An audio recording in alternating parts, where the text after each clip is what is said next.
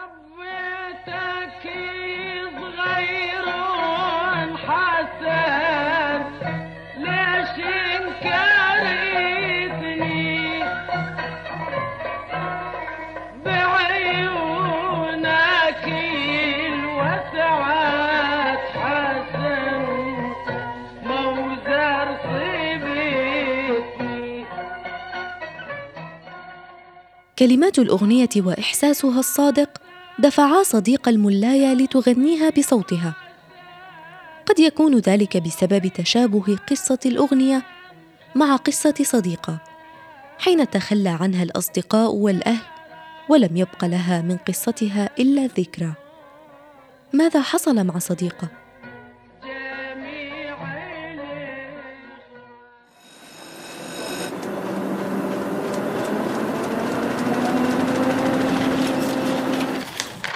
عنب بلدي. بودكاست.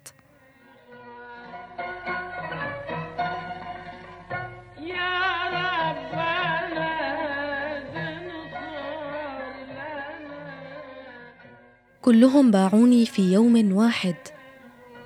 في غرفتها المظلمة في بناء مهدد بالانهيار. تصف صديقه الحال الذي وصلت إليه بعد تخلي الناس عنها. لا تصدق كيف حدث هذا معها. هي التي كانت المغنية الأولى في العراق والناس يطلبون القرب منها ويستجدون رضاها ثم آل بها الحال إلى الفقر وطلب سعر رغيف الخبز من المحسنين.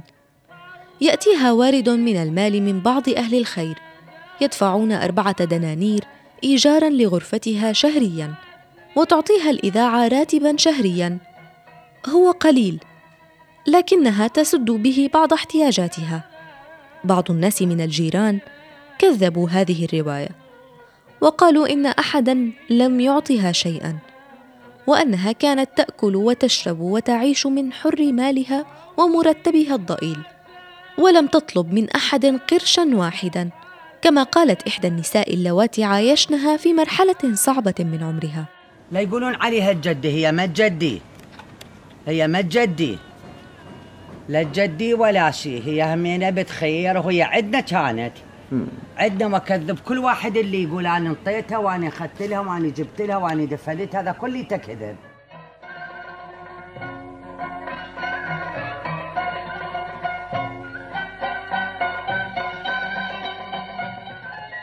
بلغت من العمر أكثر من ستين عاما. حالها يسوء كل يوم أكثر خاصة بعد إشاعات تقول إنها ماتت. لكن ما الذي يقصدونه بماتت؟ هل توفيت فعلا؟ وفارقت روحها الجسد؟ أم ماتت في أذهانهم وانشغلوا عنها بفناني عصر جديد؟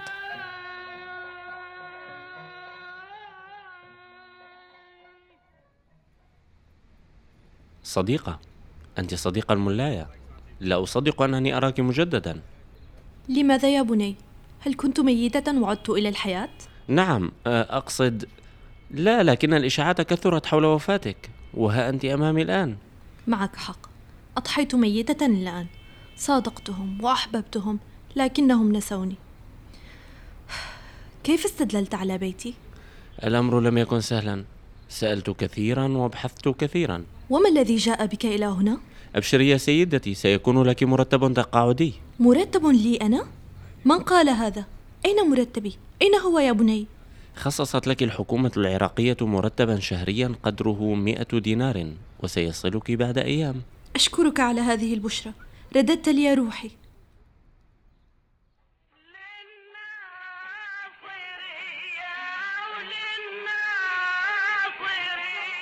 يعتقد من يسمع هذه الأغنية أنها غنيت لمدينة الناصرية العراقية لكنها ليست كما تبدو بل هي لشخص غال على قلب صديقه تكن له من الوفاء الكثير وهو الشيخ خزعل.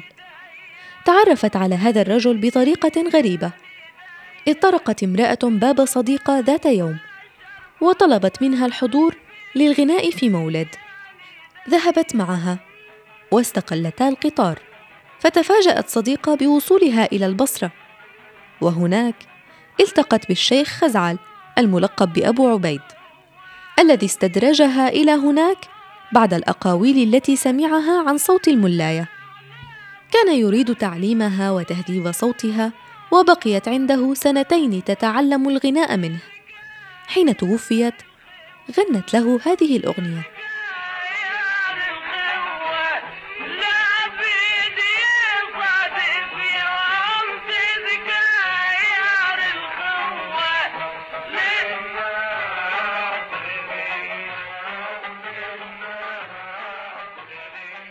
فرجة بنت العباس.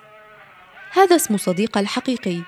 قبل انفصال والديها عن بعضهم وانتقالها للعيش مع والدتها في بغداد. في حي شعبي كانت منه بدايتها. هناك بدأت بالغناء وكانت تدندن في الجلسات مع أهل الحي حتى اشتهرت بين أبنائه بقوة صوتها وصدقه. فصار الناس يطلبونها لتنجد في المآتم.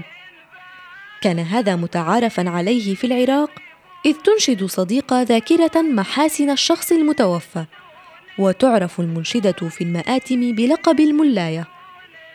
لكن هذه الشهرة الكبيرة التي وصلت إليها لم تكن قمة الحظ بالنسبة لها بالرغم من أن الشهرة أوصلتها للعمل في الملاهي الليلية مما زاد معرفتها بالفنانين والموسيقيين وبعض متعاهدي الحفلات إلا أن أهلها في كل مكان علموا بعملها في تلك الملاهي. فراحوا يلاحقونها ويوجهون التهديدات لها أقاربها هددوها بالقتل وبعضهم بالملاحقة.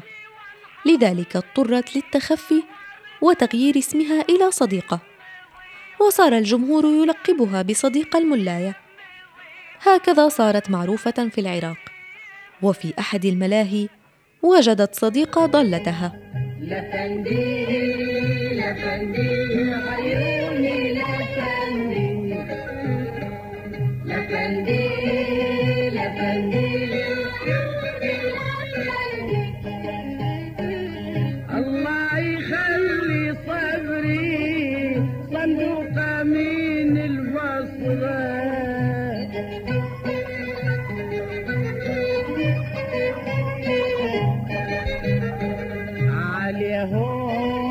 عليهم ذبني عليهم. عليهم عليهم ذبني عليهم. صديقة صديقة تعالي اسمعي. ماذا جرى؟ لماذا تنادينني؟ إن دوري على المسرح الآن. أي مسرح وأي دور؟ جاء صاحب شركة للإنتاج ويريد مقابلتك. ظننت أن شيئا ما حدث. أتيت إلي مسرعة من أجل هذا؟ ألم تفهمي ما معنى مجيء صاحب شركة للإنتاج إليك؟ سيطلب أغنية أغنيها له مقابل المال أو يطلب أن آخذ دور المطرب الذي يغني بعدي أي قصر نظر أصابك يا صديقة؟ سيطلب منك تسجيل أسطوانة بأغانيك. ستصبحين مشهورة يا فتاة.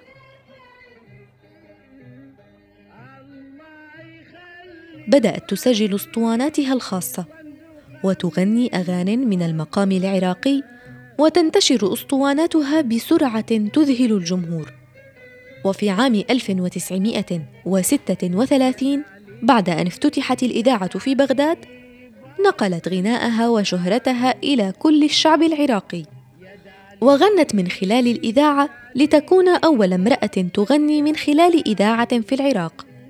بدأ الناس يألفون صوتها ويحبونه. بل واعتادوا عليه وعلى ما تقدمه من فنون. غنت أغان تراثية وأغان رسخت في أذهان العراقيين. لكن الأسطوانات التي سجلتها لم يحفظ منها إلا القليل ولم يستطيعوا إيجاد الكثير منها.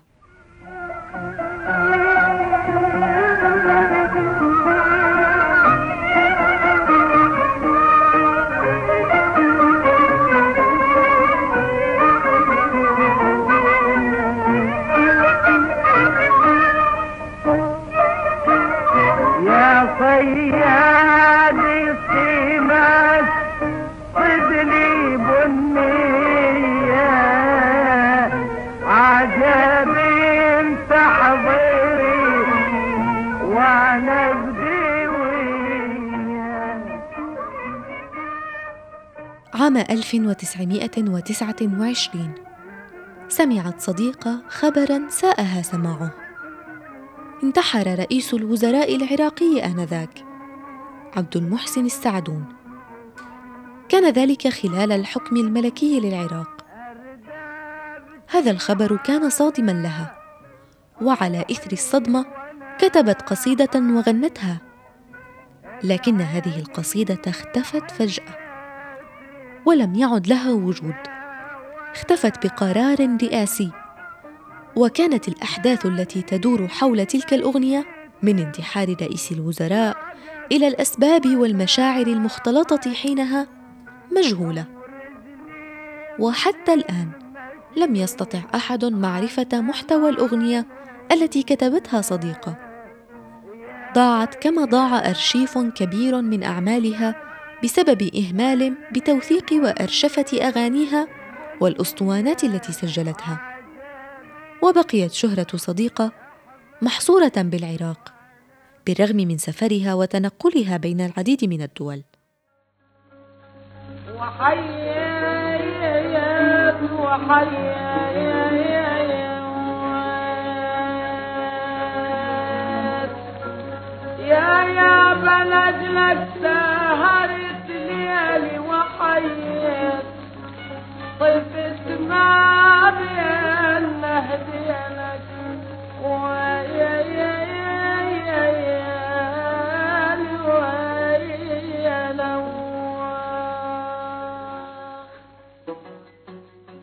اغان كثيرة. غنتها صديقة لتوثق حكايات التراث العراقي. لتصبح حياتها إحدى هذه الحكايات. حكايات تسابق صحفيون وكتاب وفنانون على توثيقها بعد رحيل صديقة عام 1969